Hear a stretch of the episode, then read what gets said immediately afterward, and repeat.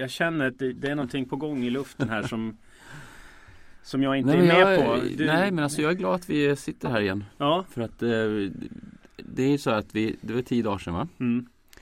Och eh, kändes som det har hänt så pass mycket de här tio dagarna att det var, det var dags för både dig och mig att, få snacka ut. Ja.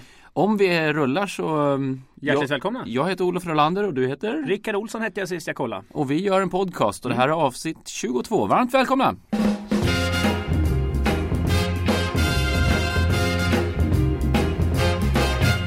I don't mind working and standing on my feet.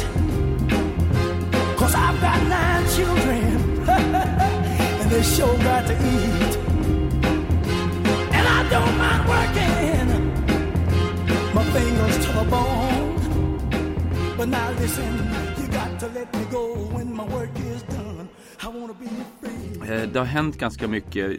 Jag har märkt att varje gång som jag kommer känna så här, vad bra det går nu. Ja. Eller, eller, man får väldigt mycket beröm. Mm. Eh, känner liksom att yes, då kommer det någonting ja. nära i tiden mm. som gör att det finns någonting som vi ska prata om idag som heter balans. Ja, det, ja precis. Och exempel på det här så, så fick jag enormt mycket positiv feedback här när jag var i, i, i Västervik förra veckan. Och om det är någon med här nu som var på i Västervik så tack för att ni kom dit och var så snälla mot mig. Så kommer jag då dagen efter så är jag någon annanstans och liksom känner att jag fortfarande lever lite på eh, Västerviksupplevelsen. Jag, är, jag är tagen av eh, liksom, nu, det känns nästan som att jag tagit ett steg till. Mm. Vad, vad orden flödade liksom. Och så ska jag bli presenterad dagen efter och så säger killen som presenterar Ja, sen har vi en kille här och ska upp och bra Ola Rylander, välkommen! Och jag bara kände hur, jag bara Ja, där satt den. Mm. Tillbaks igen. Precis, back on track. Ja. ja.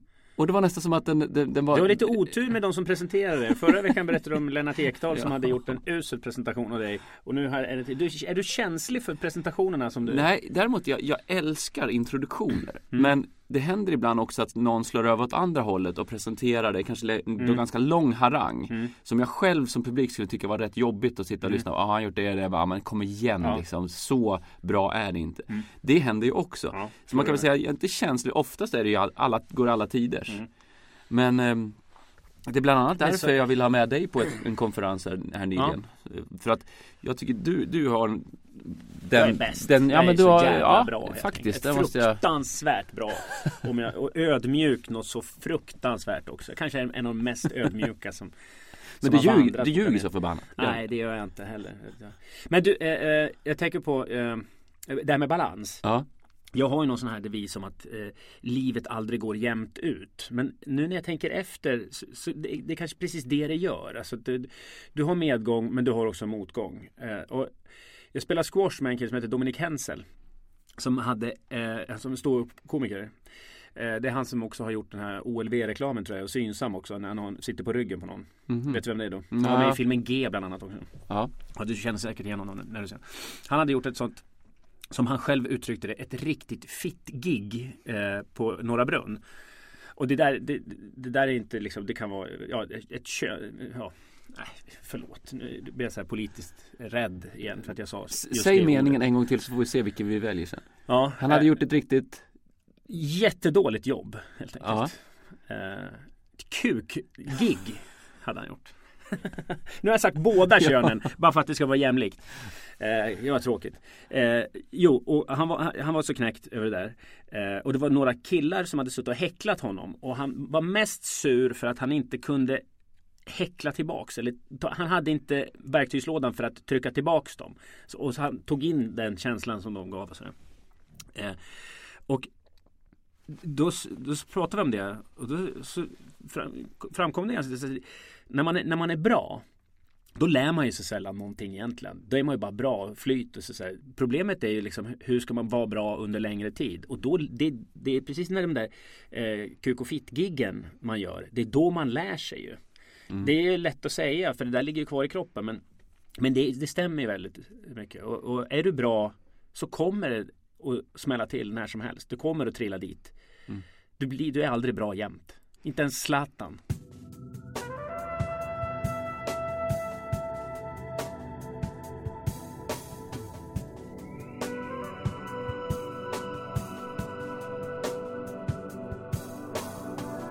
Men jag tänkte, jag ganska, in, innan vi går in mer på det här balans, vi har en del, en liten Ja, du- utläggning om Jag, om, jag bara orerar, du Nej, har ju men jag- tänkt klart. Nej, jag har verkligen inte tänkt klart. Jag vill prata med dig om det. För jag tror du har en hel del att, att tycka till om det. Men inför att vi skulle träffas idag så tänkte jag så här, men var är det som, som gör att du drar till dig eller att du hamnar i vissa situationer regelbundet faktiskt. Om man lyssnar på våra 22 avsnitt så säger då och då så har du blivit eh, påhoppad Mm. eller, eller Ja. approachad eller vi har suttit och diskuterat saker Ja. som hänt och nu, nu är det ju minst två eller tre saker. Först har vi Jonas Inde eh.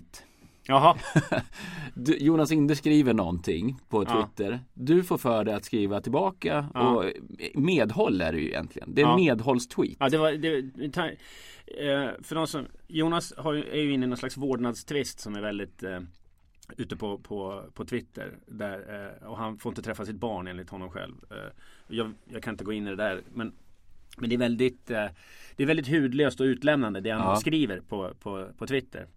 Och det och hänga med i det där. Det är både fascinerande och eh, det är nästan som att titta på, när man stannar till och tittar på en brottsplats. Nästan den känslan.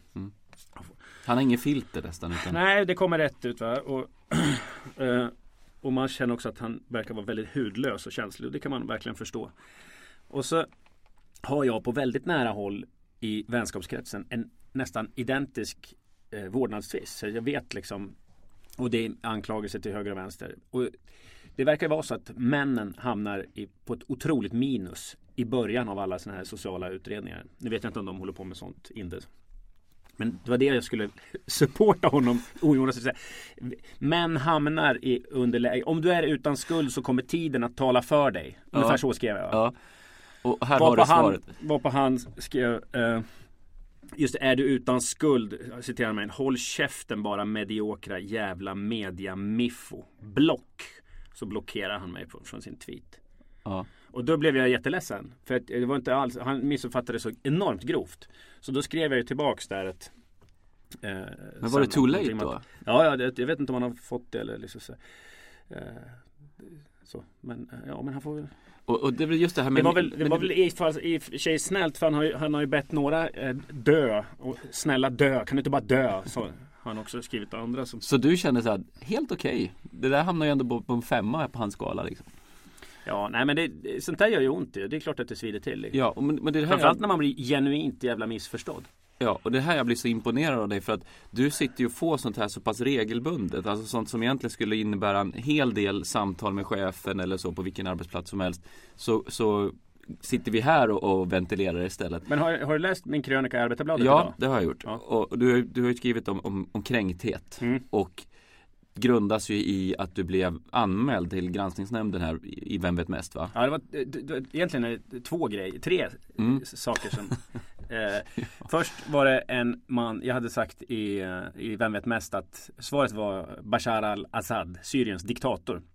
Som drar ut sin befolkning, eh, barn i krig. Och så är det Eh, svår att tycka om. Ja, det är en kille som är svår att gilla, hade Mm. jag sagt.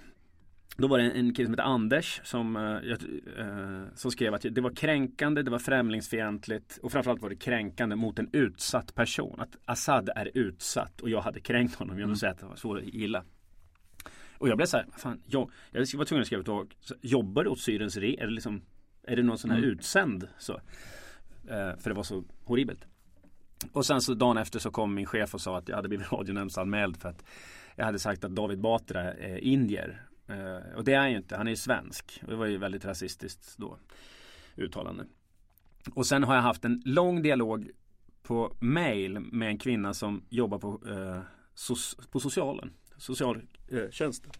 Eh, hon, hon hävdar att jag kränker och är svintaskig mot alla de tävlande i programmet hela tiden och, och sätter mig på höga hästar och sådär. Samtidigt då, eftersom hon tycker att jag kränker dem så köper hon sig rätten att, att säga att jag står där beskäftigt i, och vaggar till och med mitt självbelåtna leende. Eftersom jag är så hemsk så får ju hon säga det utan att det är en kränkning. Så.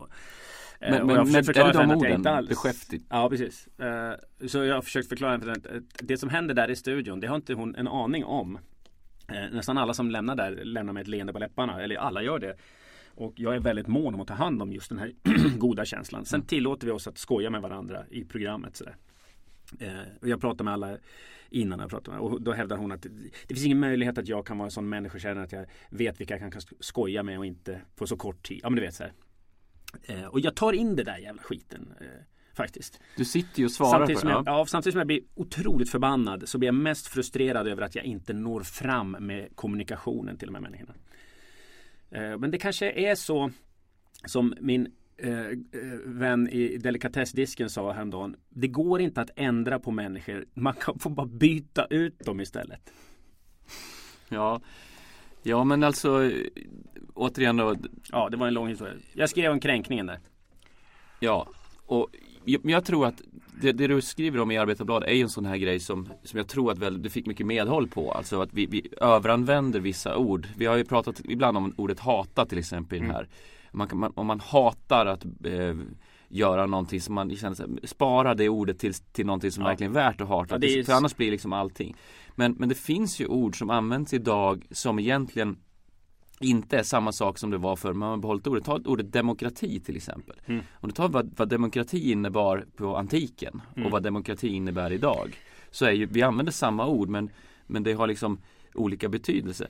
Ska jag vara lite beskäftig och besserwissrig här nu. Så det, det kommer från demos, grekiskans demos som betyder folk och kratein som betyder styre. Folkstyre. Folkstyre ja. Men, men folkstyre innebar ju inte för att kvinnor till exempel tillhörde Nej. folket. På det Precis. sättet. Så att det har ju ändrats. Men, eh, Men essensen av den där krönikan är ju just det att det är två essenser. Spar det där ordet till de som verkligen behöver säga att de är kränkta. Eh, som ska beskriva en fruktansvärd situation. Och eh, det andra är att, det, att säga att man är kränkt, det är också en härskarteknik. Eftersom eh, om jag säger att jag är kränkt av dig, vad är, din första reaktion då? Det är ju att, att försöka komma bort ifrån den här hemska människan som, som är den som kränker. mm, Eh, vilket gör att eh, det är du som får skulden när jag är kränkt. Och det, det, det, är, det är en otrolig härskarteknik istället för att ta diskussionen. Det, det, jag har en kompis som var fältbiolog förut. Och de satt på möten och var väldigt känsliga för just det här med härskartekniker. Så så fort någon blev förminskad eller förbisedd eller någonting sånt där så, så skrev jag upp det där, det där var en härskarteknik liksom så. Men då den optimala härskartekniken blev till slut att säga Hopp, härskarteknik! ja, För då dog allting. Så du, du vann varenda diskussion. Genom att säga ja det där, men det där är en härskarteknik som du håller på med nu. Mm. Och lite så är det med kränkt också. Det är den sjätte eller sjunde eh, härskartekniken. jag, jag tror att det är bättre att dela upp det i olika ord precis som du säger. Men ibland kan man ju säkert utsätta folk för saker eh, som, som kan uppfattas som en kränkning. Men vad säger du här? Är det här kränkning? Jag, jag kom in på på, på Upplandsgatan så finns det en, en väldigt fint konditori där. Mm. Och så kommer jag in där och så är det ganska utplockat. Mm. Och så frågar jag eh, Är det här det som finns kvar?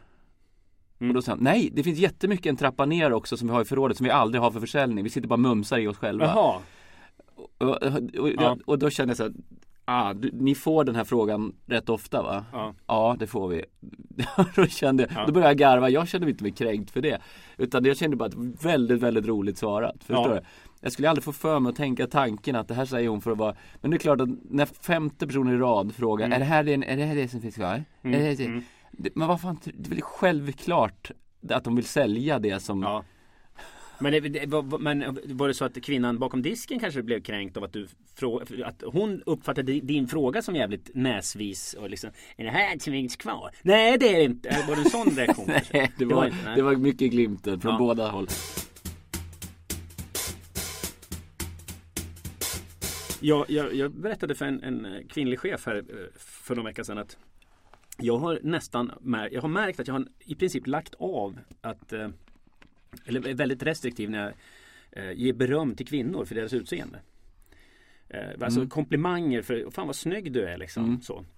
Just för att eh, det, det, det, då lämnar man över till den här människan att, att göra om det här till en objektifiering eller Mm. liksom att man, det, det, det går ju att uppfattas som nästan sexigt. Jaha, jag är snygg men du Mm. säger inte hur, vad jag gör, mitt jobb. Nej, det pratar du inte om.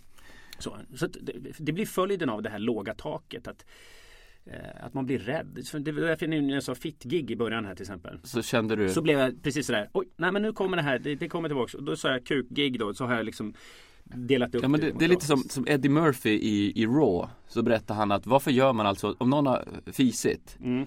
Så säger han you, you always grade the fart Alltså Du gör alltid en bedömning Mm. Det räcker väl att någon har fisit Sen måste du göra en bedömning vad, hur, vad var det för sort och, Mm. och sådär Fast du vet att någon har fisit så måste du ändå Andas in och bedöma Mm. Och det är lite samma sak där Du säger någonting och så måste man veta Var det här en kränkning? Var det här Ja. man, man, Ja, det Vissa bra. saker behöver inte bedömas utan Ibland är en spade bara en spade. Ja, just det Och det, ja. Vad är det mer som har hänt Jo, Olof? jo jag, jag vill bara berätta en, en kortis också det här med apropå det här med att när man hamnar i så, missförstånd svåra. Jag lägger på brev ibland, skickar brev till mamma Mm. för att eh, e-postadresser och sånt. Ja.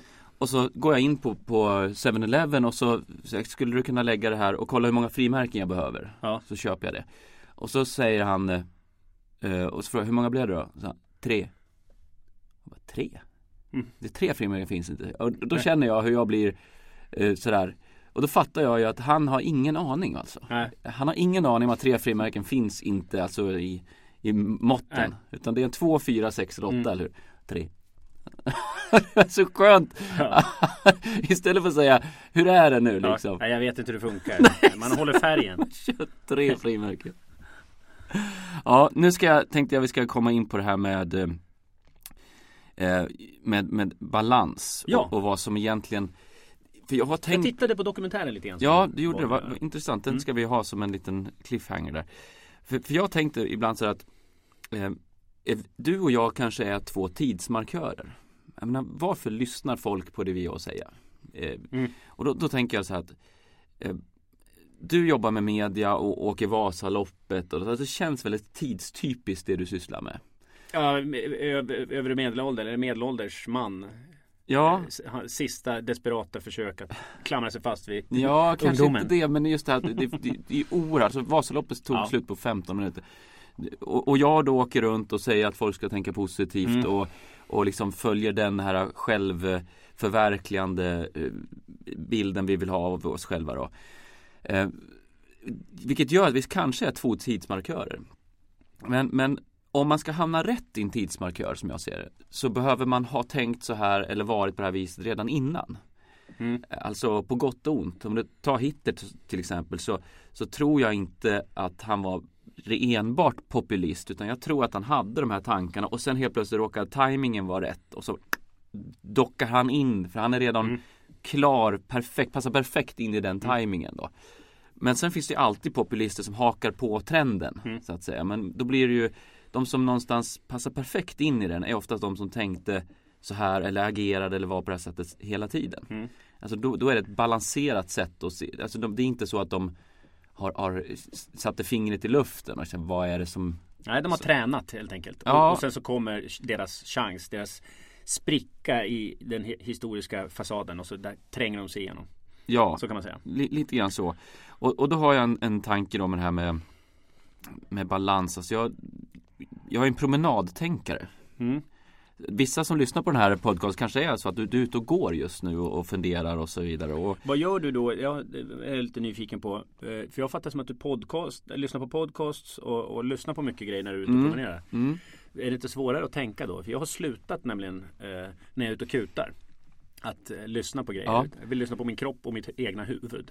det min är, smärta. jag stänger av ofta under tiden Mm. och skriver. Jag behöver fy- fylla på. Det var eh, en kvinna som berättade nyligen att jag är en person, när jag står på scenen så att säga, det, jag tankar bilen åt folk. Mm. Det vill säga att Mm. det är inte så vansinnigt mycket hur man kör den här bilen som det innehåller utan man tankar upp energi. Mm. Och, och lite så ibland, jag behöver input för att kunna ha något att prata om eller tänka. Ibland kan jag känna så att nu har jag ingenting att jag behöver ha något att tänka på. Mm. Och då kan en podcast eller en, ett Ja, YouTube-klipp förstår. eller någonting, radioklipp. Och sen kan man stänga av det, jag håller- helt med. Sen jag kanske, nu kan jag kan jag inte lyssna på mer, nu måste Nej. jag tänka på det här och skriva upp dem. Och eh, det var i alla fall det här med balans då att jag tror att eh, livet ända sedan Alltså människor har alltid haft balans som en, ett, ett nyckelord. Om du tar, om, nu kan jag vara ute på djupt vatten, men jag tror att Hippokrates då, det var väl första, första läkare, va? alltså, jag pratar om läkekonsten, han pratar ju om att, att eh, förvisso fel då, men han pratar om vätskor. Att Mm. människan måste vara i balans mellan eh, blod, och slem och gul galla och svart galla eller något sånt där. Va? Mm. Någonting sånt. Och, och så fort man eh, inte mår bra så är det en obalans mellan de här fyra vätskorna. Mm. Det var egentligen så åderlåtning till exempel kom till. Alltså att då skulle man tumma dig på blod för att det var obalans och på så vis. Vilket var, det visade sig att grundpåståendet var helt fel. Mm. Men man har ändå haft Inka-indianerna hade ju också, de har ju puman som symbol för det nuvarande livet. Och puman är alltid i balans. Ja just det. Den, eh, så, den hoppar alltså, Ja, som en katt. ja. Så balans. Jo, Och precis. Yin och yang är också Yin och balans. yang, va, och man pratar om och olika. ytterligheter och någonstans försöker man hamna i, i mitten. Man vill ha en balans mellan jobb och fritid till, till exempel. Du vill ha en balans mellan att tänka på dig själv och att tänka på laget. Ja. Eh, balans mellan, mellan ja. En balans mellan prestation och, och återhämtning till Och man exempel. är aldrig i den perfekta, det är ett flytande tillstånd. Man flyter över från eh, det svarta och så är det i balans. Ah, så åker du över till det vita. Ja. Och, så till, ah, du, Och det där jag har lite stanna teorier om i att- balansen. Det är ju omöjligt. För er lyssnare som känner igen det här, att, om ja precis så, så som Rickard beskriver. Jag, jag har lite tankar och teorier om det här men jag behöver först lägga ut texten lite mer. Mm. Eh, balans mellan prestation och återhämtning, balans mellan lek och allvar, mellan trygghet och stimulans, mellan vardag och äventyr, mellan att ha gott självförtroende men också vara självkritisk, att vara nöjd men samtidigt nyfiken. Du, du vill vara närvaro men du samtidigt kunna någonstans planera för framtiden. Du vill vara skolad men samtidigt inte låta kreativiteten ta över eller förlåt mig, inte bli så skolad så du inte är kreativ längre, så du inte kan tänka utanför boxen. Du vill, vara, du vill vara närvarande men samtidigt planera, du vill ha hjärna och hjärta. Du vill ha en balans mellan frihet och ansvar på jobbet eh, och så vidare. Och då har man ju liksom, du, om man flytt- flyttar då balans som ett liksom bara allmänt välmående så kan man också tänka att balans i, i politiken, här, maktbalans pratar man ju om Mm. till exempel. Och, och man pratar fortfarande om inom, i kroppen då, någon form av vätskebalans. Du dricker för att du är obalans i vätskorna och så vidare. Ehm, och, och människor som har inre kaos vill ju ofta ha yttre kontroll för att därmed på något vis hamna på break-even. Mm. Så att, och man pratar ibland om att det var en balansgång det där mellan att, att ta sig vidare Jag har förstått. balansera på lina och sådär. Ja men jag, jag tycker det är så pass intressant så därför nöjer jag mig inte med bara, bara briefly Nej, nöj, nej, vi utan går till botten med det här. eh, men ap- apropå det här med att balansera på lina så tänker jag mig att den här stången som en balans, en lindansare håller ofta i en stång. Mm. Det är den stången som blir metaforen för det här ämnet. Ja. Vad är det personen håller i? Jo, den håller i någonting för att förstärka känslan av balans. Den har, det här är en form av kontrollinstrument som ska känna av när du håller på att ramla åt något håll. Lite, lite mer än om du bara håller ut armarna, eller hur? Mm. Skulle du bara kunna hålla ut armarna det är ett visst sätt, men det räcker inte om det kommer riktigt högt upp på smallinjen. Så då har du den här stången då. Ehm, och ehm, kommer du ihåg, TV3 hade ju den här grejen att de försökte balansera upp alla negativa nyheter genom att avsluta nyheterna med att det var någon katt som blev räddad från något träd Just det, eller något när Anna där. Järphammar läste nyheterna på TV3. Ja, och, och då tyckte man, ja men nu, vi har, Mm. då, kan, då har vi ryggen fri så att säga. Och, och min, min eh, missbruk till exempel, det är ju per definition obalans. Mm. Alltså du har ju brukat någonting så mycket så att det, det är obalanserat. Ehm, sådär. Så att um, nog om det och då tänker jag att eh, om, om man då tänker sig att balans för din del, jag försöker ta dig i det här sammanhanget då. Så kanske du och den du lever med har olika mått på vad innebär balans så att säga. För man kan tänka sig att balans borde ju vara 50-50. Mm. Det, det, det är liksom det första jag tänker på. Att balans betyder att det är hälften där, hälften där. Då blir det ju måttet, det blir liksom vågskålarna s- samma. Men om du tänker det, låt säga att du har ett, behov av eh, 80% trygghet och 20% stimulans. Det Mm. vill säga du kanske 80, 80% av tiden vill du, kan du tänka dig vara hemma och kolla på Vem vet mest och Mm. eh, läsa lite och ja, du vet bara vardag. Men 20% av tiden så vill du gå på P.O. Company som du gjorde Mm. lördag. Så du vill, du vill kanske träffa andra och, och så Ja. vidare. Mm. Sen kanske det visar sig att Tessan då, hon har ett helt annan procent. Hon Mm. vill också ha balans. Kanske tvärtom. Men balans för henne innebär inte samma 80-20 regel. Nej. Och det tror jag är den första insikten, att man börjar fundera på vad är då, vad är balans för mig i det här livsområdet? Vad innebär så att säga eh, balans? Är det 50-50, är det 80-20? Eh, Men det är väl där of- ofta många förhållanden eh, eh, krackelerar. Att det inte funkar helt enkelt. För att eh, man inte Mm. eh, har koll på varandras balans. Ja. Och det, man har ju inte koll på sin egna balans heller riktigt. Jag skulle aldrig kunna vikta mitt liv i, i procentsatser. För det där ändras ju Mm. kontinuerligt också. Ja, för båda, båda vill ha balans. Jag tror ingen säger så här, mitt mål i livet är att ha obalans. Utan, Nej, nej, men Det det, är bara alla. man Och det är väl någon slags harmonitillstånd. Ja. Då, eller man är glad eller skön. Och- det, det är man ju bara jävligt flyktigt. Ja, och det kan nog bero på att, att det är så många tallrikar som ska snurra samtidigt för att du ska uppnå någon form av optimal balans. Men om, om jag till exempel, någon säger så här, jo men balans uppnår du genom att vara närvarande i nuet. Det är väl rimligt Det är antagande. här mindfulness. Ja, eh, eh, genom meditation, mindfulness och, och wellness-träning så skulle du kunna bli mer närvarande och nuet är ju det enda du har egentligen. Och allt det här är ju rimliga antaganden men låt säga att jag bara gick in för att jag ska må bra. Jag går på gymmet, jag, jag är ute i skogen och, och plockar svamp och så eh, sitter jag och mediterar, säger vi två och en halv, tre timmar om dagen och, och eh, sen så går jag på fotvård och så.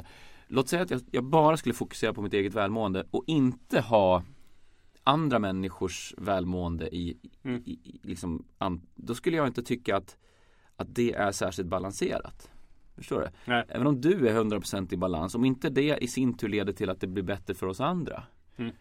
Eller hur? Det är därför man skulle kunna kritisera någon som springer på gymmet jämt hela tiden och bara tittar sig i spegeln och hela tiden har, har sig själv i fokus.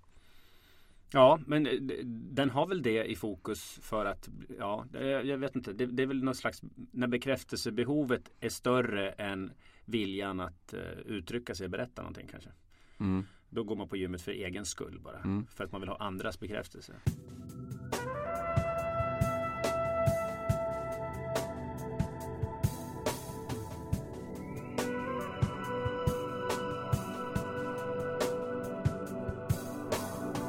Men om det bara är steg ett, om man säger jag gör det här för att då orkar jag ta tag i, i och, och, ha överseende med andra människor och tro på andra och så vidare. Då är det väl okej känner jag. Men, men om det bara blir ett självändamål, Mm. att jag ska vara i balans.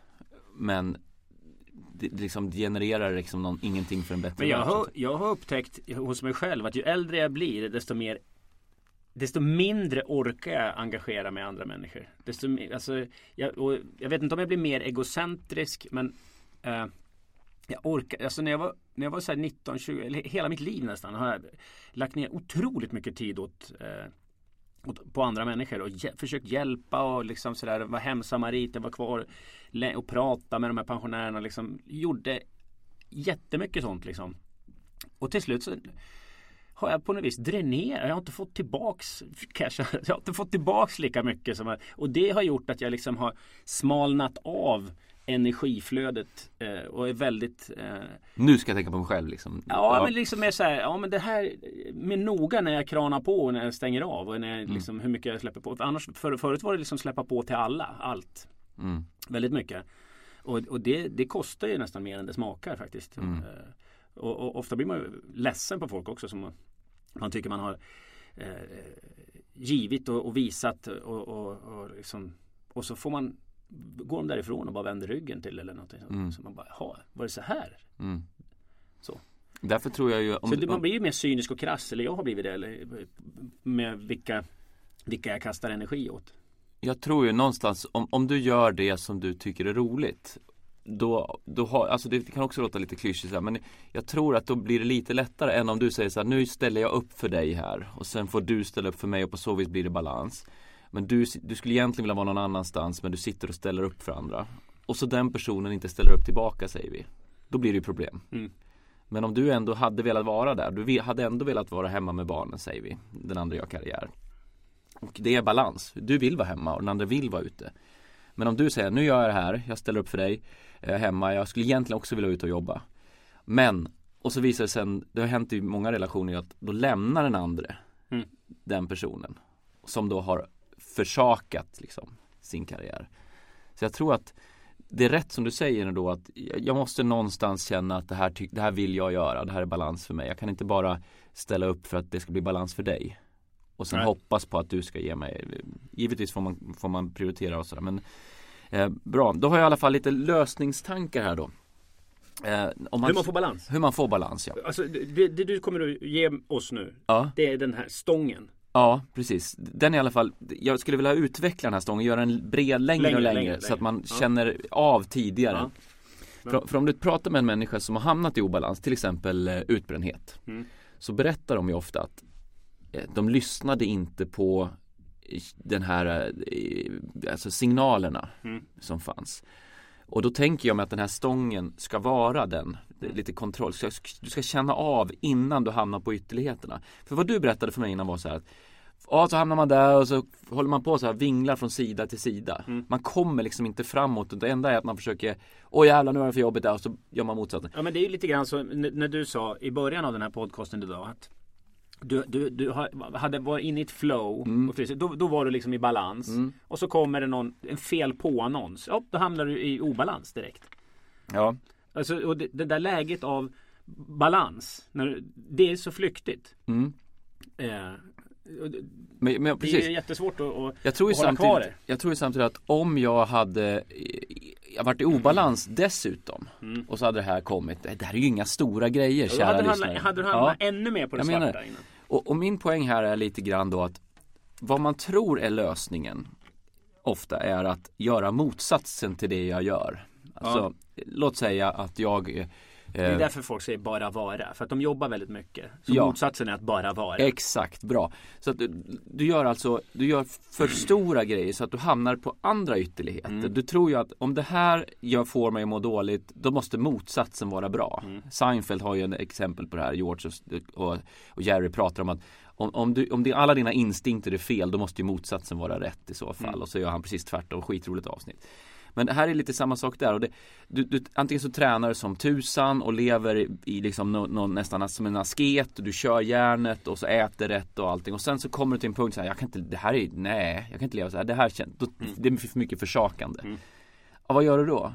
Ja då är det glass och chips mm. och pizza och, och, fest i sex månader. Är det mig du pratar Du tittar på mig och du, du, du, du talar verkligen till mig det, här. Ja, du, till mig med. Jag, ofta är det så när folk frågar jag, jag har problem. En psykolog som frågade, sa till mig så här, hur, hur kan du ha så mycket att tänka på och prata om och sådär.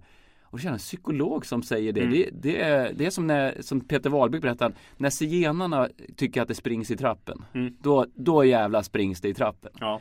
Och när, ja, och när en psykolog tycker att du tänker mycket, då tänker man mycket. Det är lika som när en, en socialtjänsttant säger att, att eh, drar slutsatser eh, utifrån ett litet tv-frågesportsprogram. Och hon har alltså rätt att gå in och ta barn från mammor och pappor.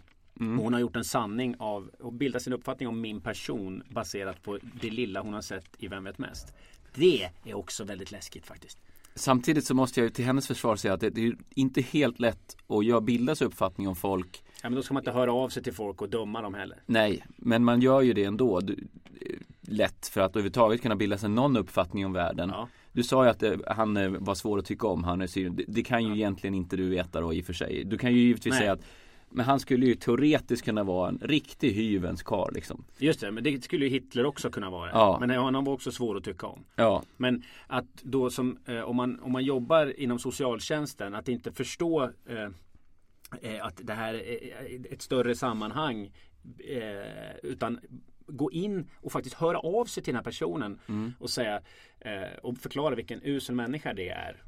Mm. Då är man ju inte mycket till Ja, jag tycker då ska mm. man helst vända papper och kanske inte jobba med människor själv. Nej, men jag, jag bara säger att ibland så kan man själv tycker jag, alltså vara snabb på att döma. Ja, det, ja. det, är en träning det här, mm. ständig träning. Okay, jag, men... jag, jag, jag träffade en kille en gång som hade den fantastiska eh, repliken. Jag kan, jag kan bedöma på 15 sekunder om en människa är seriös eller är, är, är djup eller inte. Mm. Alltså på 15 sekunder. Alltså shit, du ger dem 15 sekunder och sen så Det är ju väldigt ytligt bedömt får man ändå säga. Eller så oerhört skicklig. Ja. Nej men du vet eh, De gånger jag får märker jag störst problem med när människor tycker, åh, när de placerar in mig någonstans i ute på kanten av alla som sysslar med det jag gör. Jag, jag anser mig själv vara väldigt, väldigt eh, inte där. Mm. Men de som inte liksom, de som gör snabb bedömning, de ser en en, en glad, en, någon kille som står och tar sig i nacken och så står det det blir alltid som man tänkt sig under. Och det, det är liksom det enda du bygger din värdering på. Då är det klart att då hamnar man väldigt snabbt Men man Eh. måste göra snabba värderingar. Man måste ju dra förhastade eh, slutsatser. Det är först, men, men om man nu det, det gör man ju för att överleva. Det är ett sätt att hantera Ja. information. Ja. Men sen beror det på då om man, ska, säga, om man ska gå och titta på dig eller möter dig. Ska jag behålla din, min första uppfattning eller ska jag vara öppen för att, Mm. att min förutfattade mening ska, ska krossas? Och det måste man vara bekväm med. Att Ja. ens förutfattade meningar förstörs. Och, och det ska man också vara, ge folk en chans. Jag gillar ju förutfattade meningar också. Jag tycker det är så. Ja, eh, okej. Ja, men jag tycker det är lite Ja. roligt. Världen blir lite roligare då. Jo men det är, jag förstår vad du försöker säga. Men sen skulle jag liksom inte hoppa på någon och, och liksom Som du gjorde med Jonas Inde menar du? Precis.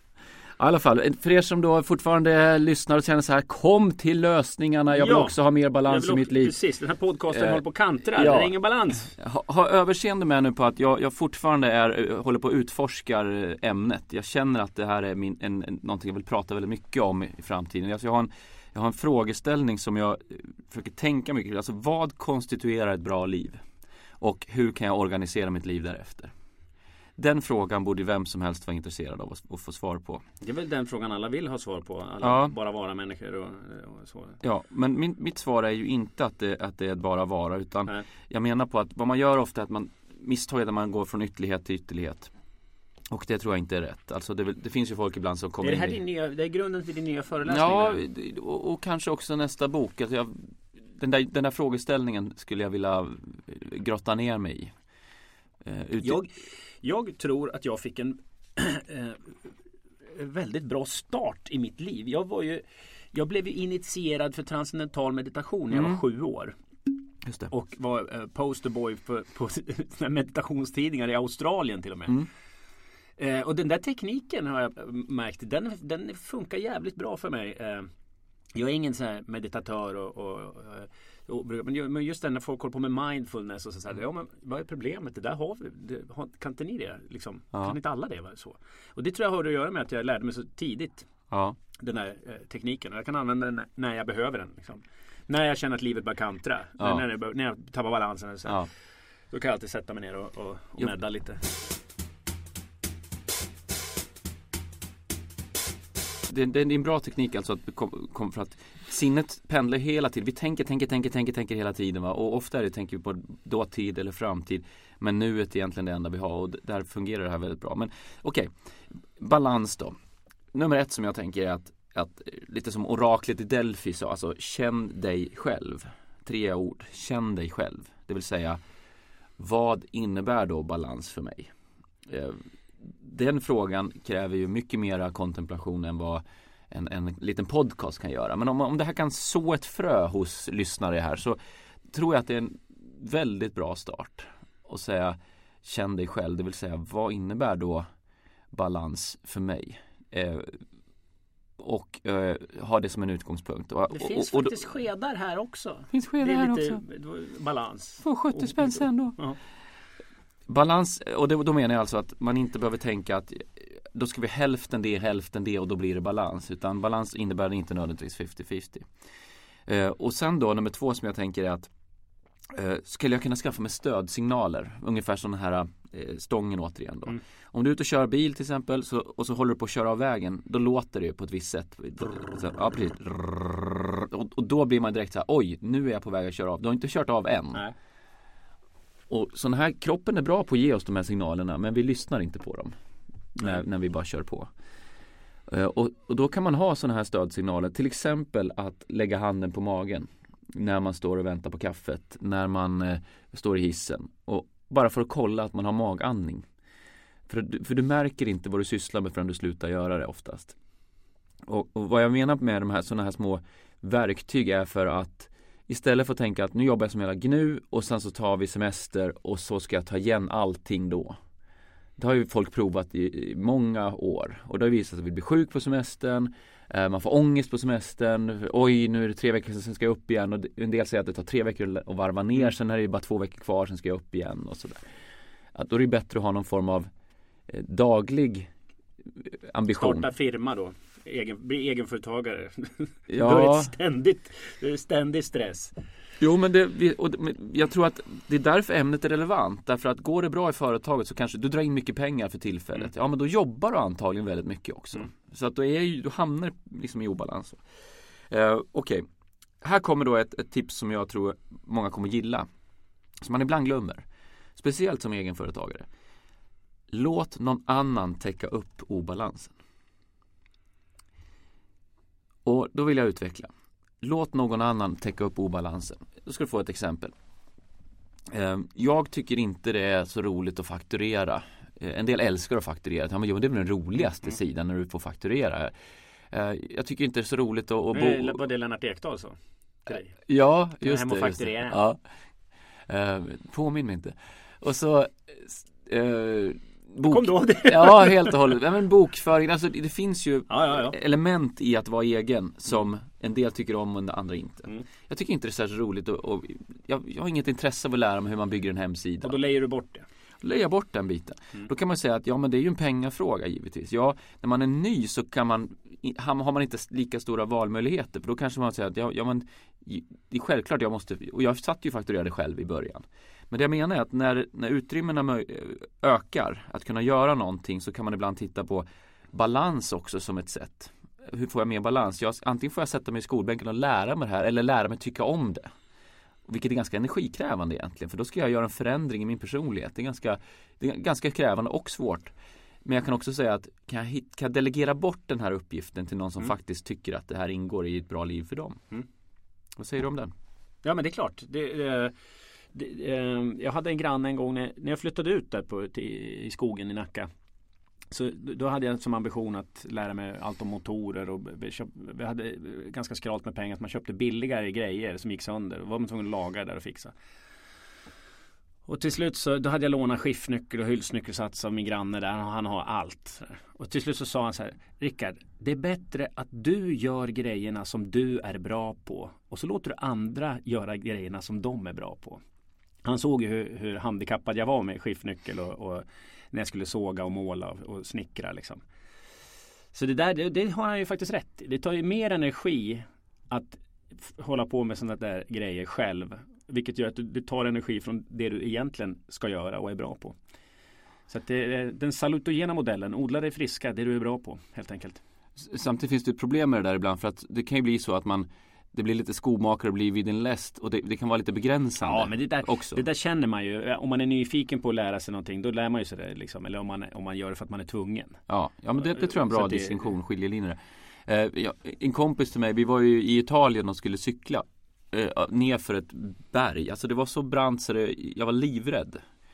Och, och sen till slut så, så behöver vi få skjuts och så eh, hittar vi någon person där som kan ge oss skjuts och så säger han, eh, ta av hjulet säger den här personen på engelska. Ta av hjulet och så på cykeln. Och, och jag lyckades på något vis få av hjulet. Jag bara kände så här, det är inte sant. Jag fick av hjulet. Jag har ingen aning vad jag gjorde. På, på min kompis cykel då. Och sen när vi skulle ut igen, då säger, jag, säger den här killen, okej nu kan du ta på hjulet igen på din kompis cykel. Varpå jag då slår på hjulet igen och min kompis säger så här, nej, jag tänker inte cykla på den här cykeln om du har tagit på hjulet. Och mycket riktigt, alltså den satt med en Alltså en meter så hade hjulet lossnat visade sig. Det var satt åt fel håll Ja. så att säga, hur det nu är möjligt. Så att hade han dragit, blåst ner för Ja. berget med den så hade han kanske inte ens levt idag. Nej. Så där var det, han var medveten, vem har gjort det här jobbet? Okej, Olof har gjort det här jobbet. Det, det räcker inte. Nej. Det räcker inte att du är nyfiken heller eller Nej. att du skulle vilja bli bra på det här. Jag vill ha någon som vet vad de sysslar med, mycket riktigt. Ja, eh, parentes i sammanhanget. Men jag tycker att man, man bör verkligen fundera på det där. Vilka områden har jag? Vad är det jag gör som kräver så mycket energi av mig bara för att uppbåda liksom, och måste, vilket måste bli så förbannat mycket högar för att man ska ta tag i det. Om allt det där Du kan tänka hur mycket energi det tar. Mm. Givetvis man mår skitbra efteråt när man har gjort det. Man är jävla nöjd med sig själv och yes och sen Men vad händer? Sen går det där skjuts upp igen och Mm. igen och igen. Man tror varje gång man har gjort det. Nu ska jag hålla ordning. Ja, Ja, nu ska jag hålla ordning och nu kommer det aldrig att bli så här igen. nej. Men så blir det igen. Ja, och då kan det vara bättre att säga så här. Det kanske är bättre att lägga 100 kronor bara för att göra det sen. 100 kronor. Bättre att lägga 100 kronor på att låta någon annan göra det än att lägga potentiellt 500 kronor i, i tappad energi och, och Mm. vad du skulle, du skulle kunna syssla med annat istället. I like that one.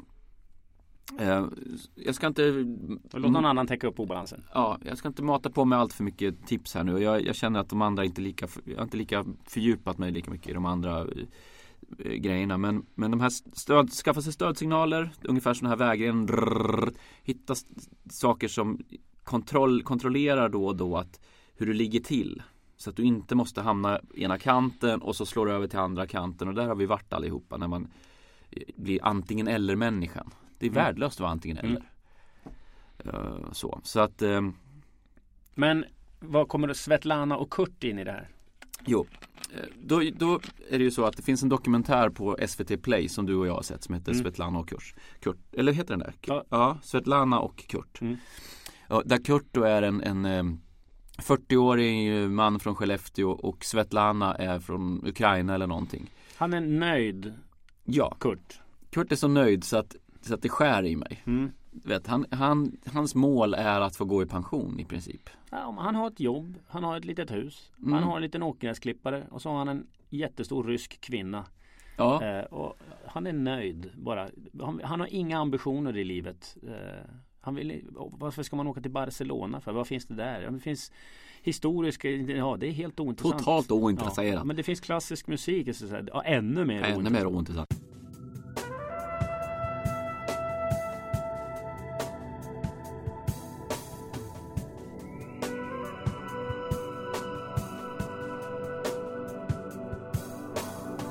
Men om du då beskriver Svetlana då?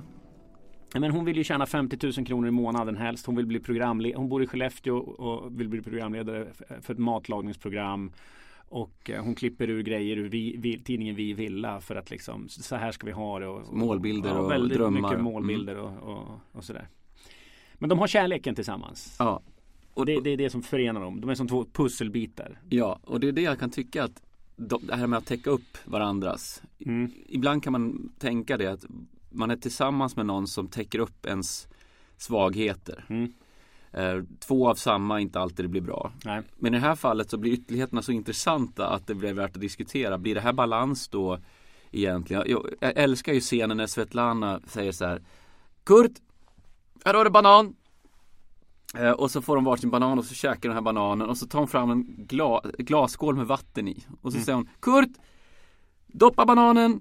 Jaha, och, och Kurt är ju så här Han gör som hon säger. Han gör som han säger, vad är det nu då? Ja, ja. Och så ska man då Ja, da, svetta. Ja, Mm. just det. Och så ska man skölja den här bananskalet i, i vattnet. Och än så länge, titt, som tittare fattar man ingenting. Vad är det här liksom? Och sen säger hon så här, bra, nu blir det 40 000 i månaden från och med november. Eller Mm. för, nu, har, nu kommer du tjäna 40 000 innan november. Mm.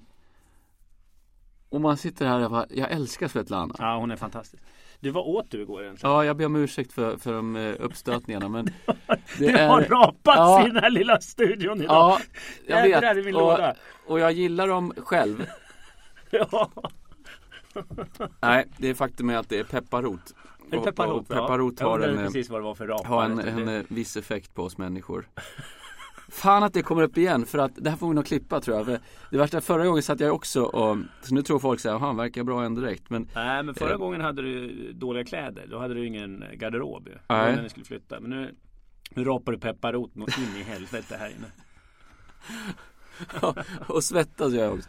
Eh, Okej, nu så tänkte jag som en liten avrundning till våra kära läsare, eh, lyssnare berätta om en grej som hände på det goda samtalet i fredags. Jag ställde nämligen en fråga och jag, det ska bli intressant att se vad, vad Rickard Olsson då, om du klarar av att sitta här en stund till, eh, kan svara Mm. på den här. VDn på ett företag sitter på sitt kontor när vice VDn kommer in med ett förslag. Vi planerar att satsa på ett projekt som kommer att öka våra vinster men också kommer att förstöra miljön. VDn svarar att hon eller han bryr sig inte om miljön utan bara är intresserad av att göra så stora vinster som möjligt. Mm. Projektet genomförs och mycket riktigt så ökar vinsterna och miljöförstöring blir konsekvensen. Fråga. Förstörde VDn avsiktligt miljön? Ja eller nej? Oj oj oj. eh, förstörde han avsiktligen miljön när han har sagt att han inte bryr sig om den? Det är väl det som är får själva- veta att, att eh, Vi planerar att satsa på ett projekt Ja, som kommer att öka vinsterna när man förstör miljön. Jag Jo, men det får man väl nästan säga att han Mm. eh, medvetet Mm. gör. Eh, Jag försökte bara leta någon, någon sån här hållhake eller någon sån Ja. här, finns det någon ja, men du tror ändå att filosofisk du tycker att jag utväg ur det där. Men, men eh, ja, om man idag med den kunskap vi har om miljöförstöring eh, medvetet gör ett sånt val. Mm. Då har man bidragit till miljö- miljöförstöringen. Mm. Ja, Okej. Nu kommer en eh, nästan identisk fråga. VDn på ett företag sitter på sitt kontor Mm. när vice VDn kommer in med ett förslag. Vi planerar på att satsa på ett projekt som kommer att öka våra vinster men också kommer att hjälpa miljön. VDn svarar att han eller hon bryr sig inte om miljön utan bara är intresserad av att göra så stora vinster som möjligt. Mm. Projektet genomförs och mycket riktigt så ökar vinsterna och miljön förbättras som en konsekvens. har då vdn Förbättrade VDn avsiktligt miljön? Nej. Eftersom han gick bara efter vinsten. Mm.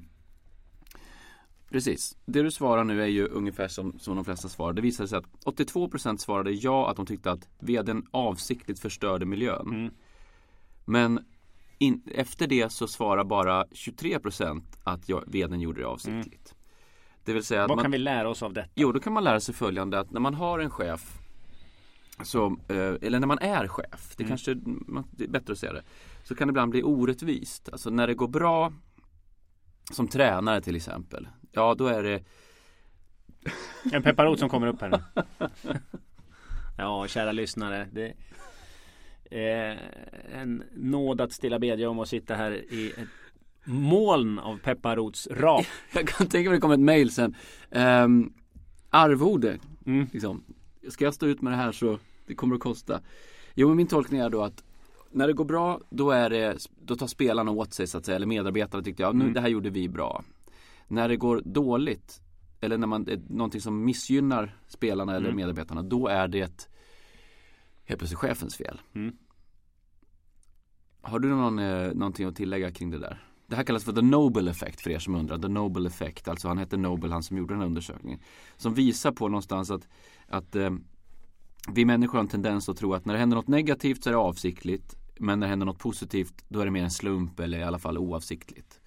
Och då är min teori att vad händer om man skulle göra tvärtom? Att när någon beter sig illa mot dig så var det inte meningen. De menade inte att kränka dig. Det var inte syftet. Nej. Men när det hände någonting bra då var de faktiskt hade goda avsikter. En Mm. omvänd Nobel effekt skulle jag vilja uppmuntra till. Men finns inte det också? Ja. Ja, du alltså menar... att när, när laget går bra och att, att tränaren är duktig liksom. Jo. Det, det, det Men, det men, finns du, sådana. men det är många som reagerar starkt om, om tränaren eller chefen skulle börja ta för stor cred. Då kan det bli eh, Ja. omvänt. Mm. Eh, Det, det har ju hänt flera gånger. Man, de, de som, chefer som folk tycker bäst om är ju ofta sådana som säger att det här var en laginsats. Mm. Och, och, Men tränare har ju en tendens att bytas ut lika mycket som spelare. I alla fall, jag, jag tänker bara på fotboll nu. Mm. Sådär. De, det är ju samma, de åker ju runt. Det är väl bara Sir Alex och eh, Arsene Wenger som har varit kvar i sina respektive lag ja, länge. Annars så cirkulerar ju alla. ja.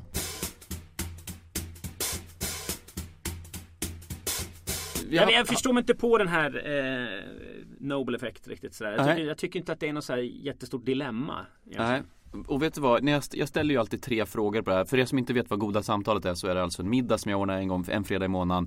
Där jag ställer tre frågor till, en fråga till varje måltid. Och vi äter mycket pepparrot och eh, eh, har en jättetrevlig kväll. Och då fråga två var faktiskt the Nobel effect. Mm. Eftersom vi hade tema ledarskap då. Mm. Eh, och eh, jag skäms så oerhört för att du har nämnt det här med pepparroten. Är det så? Ja, jag sitter hela tiden och bara, fan också. Och du sitter och tittar bort hela tiden Ja. också nu. Jag ser, de kommer ju på löpande band de här pepparrots eh, munfisarna. Ja, det är så, det är, och alla vet ju exakt vad det här handlar om. Ja. Alltså alla har varit där. Ja, men det är Ehm. väl, hö- det är väl det är mänskligt Olof. Tänk om någon skulle komma fram. Finns tuggummi också? Mm. eh, jo men och precis, den, just den frågan var den som landade sämst. Ja, the Nobel effect. Ja, där flest satt precis som du och sa Ja okej, men eller va? What's the problem? Ja. Vad, är, vad är dilemmat? Men, jag, men det mynnade ut i en, en bra diskussion. Ja. Men jag tycker den är intressant i alla fall att när man man ska jobba med en omvänd Nobel effekt tycker jag. Alltså att när folk gör goda gärningar så tänk att det där gjorde de för att hjälpa mig. Och var, var schysst liksom. Mm. Och när någon är, upplevs som eh, dålig service eller elak eller någonting så var det inte avsiktligt. Det väl Ja. ganska trevligt Ja. förhållningssätt. Ja du. Eh, Annars? jag ska bara avsluta med att Börjar kolla promenaden om, om lida mot sitt slut? Ja, den gör ju det. Det finns saker som vi inte tog upp idag, men så där har jag ofta. Jag kan rekommendera den här Kurt och Svetlana eh, dokumentären. Ja. Jag vet inte hur länge den ligger kvar på SVT Play men eh, det- den, den, var faktiskt väldigt rolig. Eh, både jag och, och eh, jag och Therese hade en perfekt balans när vi tittade på den. Båda uppskattade den väldigt mycket. Kan, kan, du, kan du säga när Svetlana säger hans namn? Kurt. Kurt. Kurt. ja, så underbart. Han säger, hon säger Ja. hela tiden också. Kurt. Ja, men du, eh, då så. Maten är maten klar. Kurt. Kurt. Och han bara, ja, ja. Ja, ja. Det där får du göra. Det är ditt mål det där. han. Är väldigt konkret och så duktig. Eh, puss och kram. Puss och kram hörni. Ha det bra. Hej då. Ja, vi måste ju ta upp det här med eh, i det är lite bonusmaterial här. Ja. Lite känsligt för Olof. Eh, eh, det tog 40 minuter innan jag vågade lätta på förlåten och då ska man ändå tänka att jag är inte den som brukar eh, hålla tillbaks sådär. Jag är inte känd för det. Men till slut blev det en rap för mycket här inne i den här lilla studion. Eh, och eh, jag pratar de om det. kom ju för fan hela tiden de här raparna. Doftsvamp från din sura mage in i min i min näsa och in i min kropp. Direkt från din kropp in i min kropp.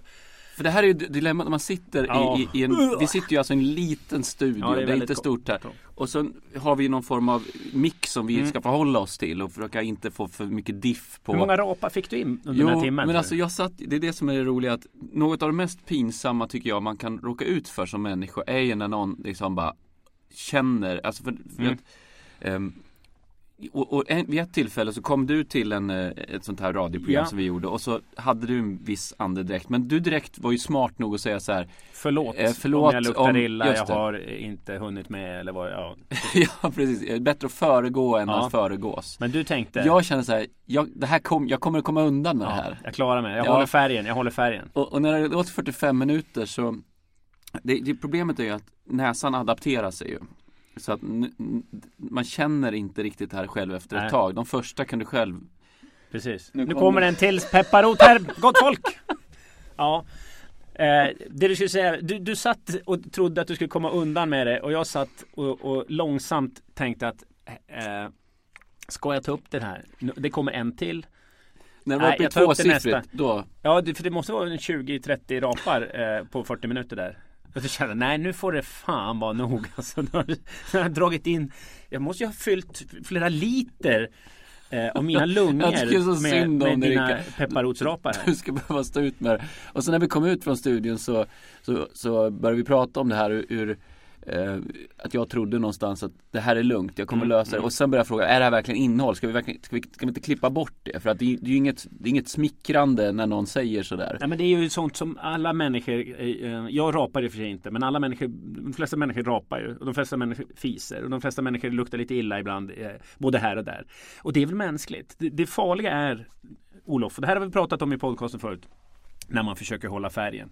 Mm. När man tror att man, för det är då man bygger ångest. Du, du var, det det är därför vi gör det här bonusmaterialet. För att du, var, du hade ångest inför det här att du skulle visa en svaghet i, i podcasten. Nej men jag, jag Det tänker väldigt, men, ja. men, men det är för att du försökte komma undan med det.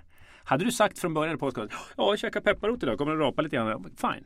Då hade, det- äh, om du hade sagt att ja det stämmer, du hade fortfarande inte fått Nej. samma så här effekt. För, din förnedring ligger i att du försökte hålla färgen Olof. Det är det, man ska visa eh, kuken, det har vi sagt förut. Men tänk Man ska dig, berätta hur Ja, sakerna är. hade det inte varit extremt roligt om det här hade skett i första avsnittet? När vi liksom fortfarande höll försökte hitta formen Ja. och, och, och, så vi, och så hade du bara sagt jag kan inte jobba med den här mannen. Det är helt omöjligt. Pepparos. Munfisaren. Det var bonusmaterialet.